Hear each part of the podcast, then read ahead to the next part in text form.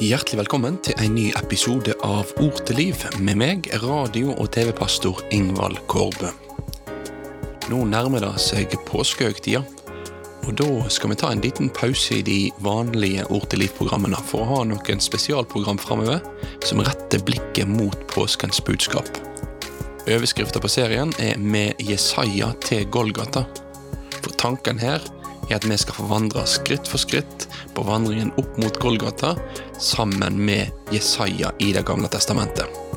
Jeg håper at denne serien kan være interessant og inspirerende for deg, og hjelpe deg å se enda mer hvordan mange hundre år før Jesu fødsel så var det allerede sånn at Gud hadde fastlagt sin plan om å frelse oss mennesker.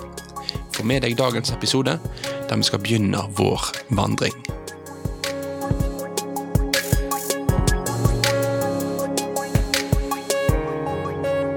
Tenk deg at du hadde levd i Israel for omtrent 2000 år siden. På trona i Jerusalem så var det mange hundre år siden det var en jødisk konge som hadde regjert. Romerriket med all sin makt og all sin storhet, de hadde et jerngrep om samfunnet du bodde i. I en sånn situasjon, hvor ville du da sett for å finne håp? Hvis du hadde et håp om at en dag så skulle Gud gripe inn for å redde, hvor kunne dette håpet blitt styrka? Det er mange bøker i Det gamle testamentet, og de ulike bøkene de har punkter de løfter fram for oss Messias-profetier, og et blikk om hvordan Gud i framtida på nytt skal gripe inn for å berge sitt folk. Det går som en rød tråd gjennom store deler av Det gamle testamentet. Men min påstand er at denne røde tråden, det er få bøker den kommer så tydelig til syne i som i Jesaja-boka. For gjennom Jesaja-boka så blir dette løftet, dette håpet om en kommende konge, en kommende tjener, en kommende redningsmann, det dukker opp igjen og igjen og igjen. Og i tillegg til det så blir det riket som han skal innstifte, det blir òg malt for oss i flotte, flotte farger. På mange måter så er derfor Jesaja-boka det femte evangeliet, et evangelium skrevet 700 år før han som er Bibelens hovedperson, faktisk kom. Jeg håper at vi nå skal få se akkurat dette, se hvordan Jesaja-boka er preget av denne røde tråden. Dette blir ingen normal gjennomgang av Jesaja, det blir heller ingen normal gjennomgang av Jesu lidelseshistorie. Tanken er at vi skal se disse to historiene i lag. Vi skal ta vårt utgangspunkt i Det nye testamentet, og se hvordan Det nye testamentet bruker Jesaja-tekstene som ei fortolkingsramme, eller som et brillepar for å forstå hvem Jesus er, og hva han kom for å gjøre. Og nå skal vi i dag begynne med å ta på oss disse brillene. Vi skal begynne med å ta på oss disse brillene for å se hva Nytestamentet sier om hvem Jesaja så når han i Jesaja kapittel seks fikk se Herrens herlighet.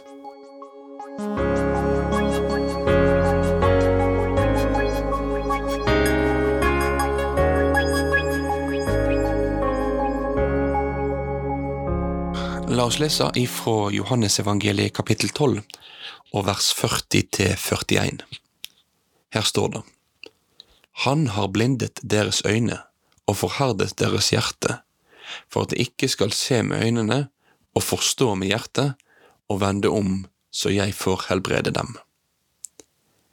Dette sa Jesaja fordi han så Jesu herlighet og talte om ham. Dette er et vers der Johannes i sitt evangelium sammenligner Jesu tjenester med Jesajas tjenester. For Jesajas oppdrag da kom i stor grad til å være et forherdingsoppdrag, der mange ikke hørte på det som ble sagt. Og på samme måte så var det sånn at òg i møte med Jesu budskap, så var det veldig mange som vendte seg bort og gjorde sine hjerter harde i møte med det. Men det som er grunnen til at jeg tar fram denne teksten her nå, det er at Johannes han har som forfatter en kommentar knytta til det sitatet som i starten ble gitt ifra Jesaja kapittel 6. Johannes sin kommentar er at Jesaja han sa dette her fordi han så Jesu herlighet og talte om han.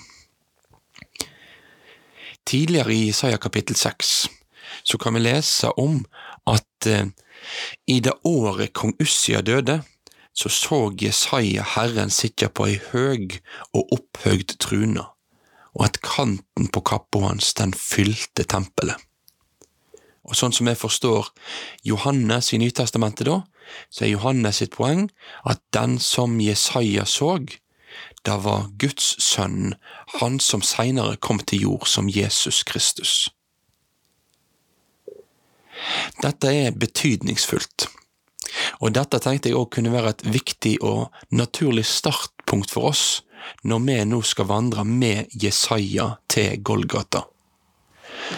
For Guds vei gjennom Bibelen, Guds sønns vei gjennom Bibelen, starter faktisk ikke med hans komme til verden, med hans inkarnasjon og fødsel. Nei, vi tror jo at Guds sønn er fra evighet av. Vi tror på en treenig Gud som er, og som alltid har vært. Så vi må ha klart da for oss at når vi leser i Det gamle testamentet, når vi òg leser i Jesaja kapittel 6, så leser vi om den treenige Gud. Og så kan vi så lett av og til kanskje falle for en fristelse å, å skilje litt mellom ulike egenskaper hos ulike personer i guddommen, men sånn er det ikke. Nei, sånn som Faderen er, sånn er Sønnen, og sånn er òg Den hellige ånd. Og når vi da leser i Jesaja kapittel 6, så leser vi der en av de mektigste beskrivelsene av Herrens hellighet i hele Bibelen. Vi møter Han i dette kapittelet som serafene, disse englevesener som jo var reine, de var syndfrie. I møte med den herlige og hellige på truna, ja, så må de dekke sitt ansikt, de må dekke sine føtter. Det er en ærbødighet i møte med den høgt, høgt opphøyde. Når Guds sønn kommer til verden, så tar han på seg en menneskets skikkelse. Hans herlighet lyste ikke til hver tid for alle mennesker. Men han er den hellige Gud.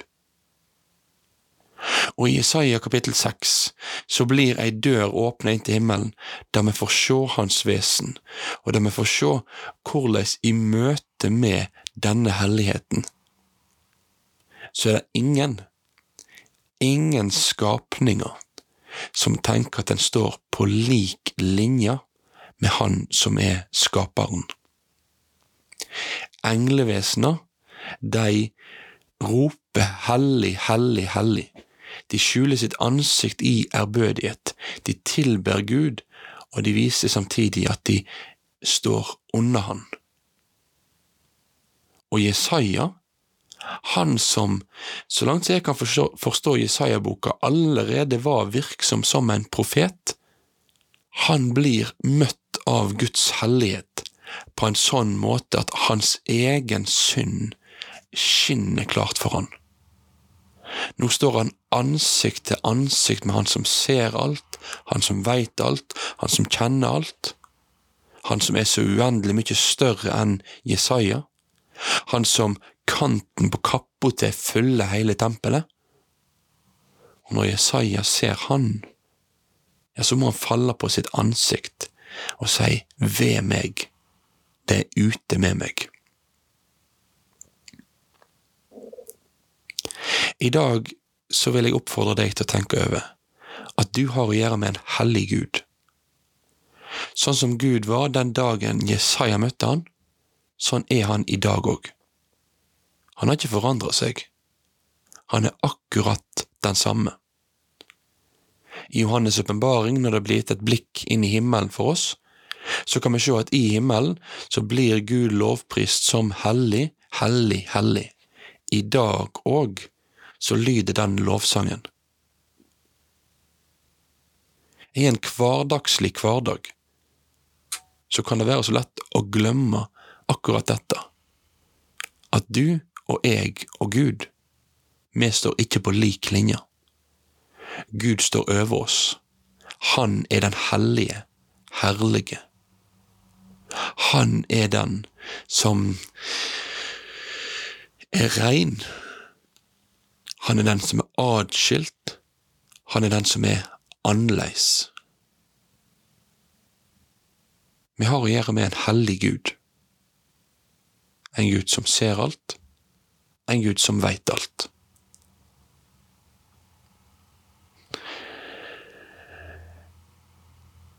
Jesaja han opplevde at dette møtet ble så mektig at han måtte rope om sin egen fortapthet, sin egen utilstrekkelighet, da at han var en syndig mann midt iblant et syndig folk, og nå hadde han sett Herren over herskarene.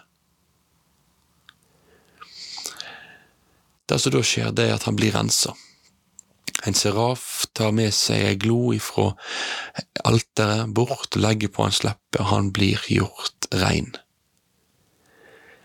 Beskjeden møter han at hans synd er sona, og han får faktisk da tru da at samtidig som Gud er hellig, så er òg Gud han som renser fra synd og gjør at vi kan forstå i den helliges nærhet. Derfor er det en dobbelthet her i Isaiah 6. På ene sida et djupt, djupt bilde av Guds hellighet, og på den andre sida, eller samtidig, så er det òg en beskrivelse av hvordan den hellige òg er han som helliggjør sitt folk, altså gjør sitt folk hellige. Og Jesaja sin respons etter at han da blitt rensa, det er at når han nå får høre ropet ifra truna, hvem vil gå for oss, så ender han opp med å svare, Her er jeg, send meg. Han var tilgitt, han var gjort rein, og nå ville han gå den hellige Guds ærend. Dette kom han til å gjøre, det kom til å bli ei lang og tung tjeneste, men ei tjeneste der han år etter år kom til å få være med og vitne om Han som han så på truna. Gjennom resten av Jesaja-boka så kommer Israels hellige til å være et av de dominerende navnene som Jesaja bruker på Herren. Og i tillegg til det så skal vi se at det er få bøker i Bibelen som så tydelig maler ei framtid for oss, der kongen, Herren, igjen skal regjere over sitt folk. Gjennom historien så er vi mange mennesker som har fått takka ja til Herrens kall, som har blitt rensa fra vår synd, som har fått opplevd at Han som er den hellige, er òg Han som har sona all vår synd, som har fått blitt møtt av Guds kall, og vi har sagt ja, vi vil òg gå Hans ærend. Det er mange tjenere gjennom hele historien som har fått være med og bety mye for at flere mennesker kan bli kjent med Herren. Og det er godt med alle som òg i dag svarer Her er jeg, send meg, i møte med spørsmålet Hvem vil gå for oss? som var det spørsmålet som Jesaja fikk. Men det avgjørende det avgjør han òg med tanke på denne serien som vi nå så vidt har starta på.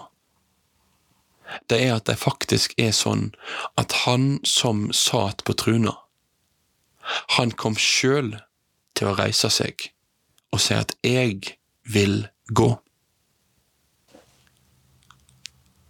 Han kom sjøl til å stige ned til jord for å gi sitt liv som en løsepenge for mange. Tenk på det. Vi har en Gud, en Gud som ikke bare kaller, men en Gud som òg sjøl reiser seg og går i striden for sitt folk.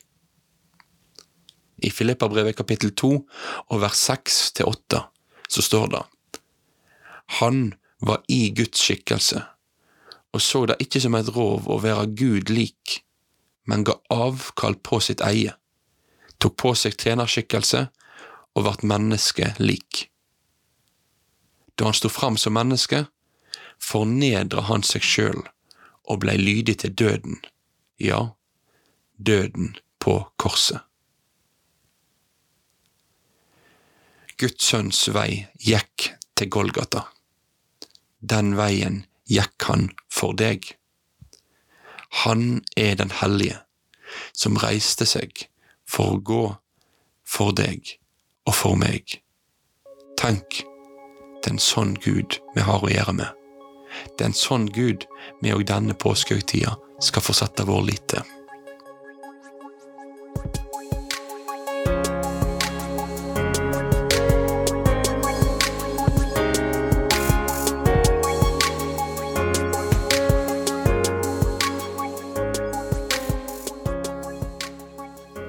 Vil jeg si tusen takk for at du valgte å få med deg denne episoden av Ord til liv. Ord til liv er en podkast som er produsert av P7 Kristen Riksradio. Og hvis du vil høre flere av våre program, så vil jeg anbefale deg å laste ned P7-appen, der store deler av vårt arkiv ligger tilgjengelig. Vi kommer snart til å komme tilbake med en ny episode av Ord til liv, men inntil da vil jeg ønske Herrens rike velsignelse over deg og din hverdag.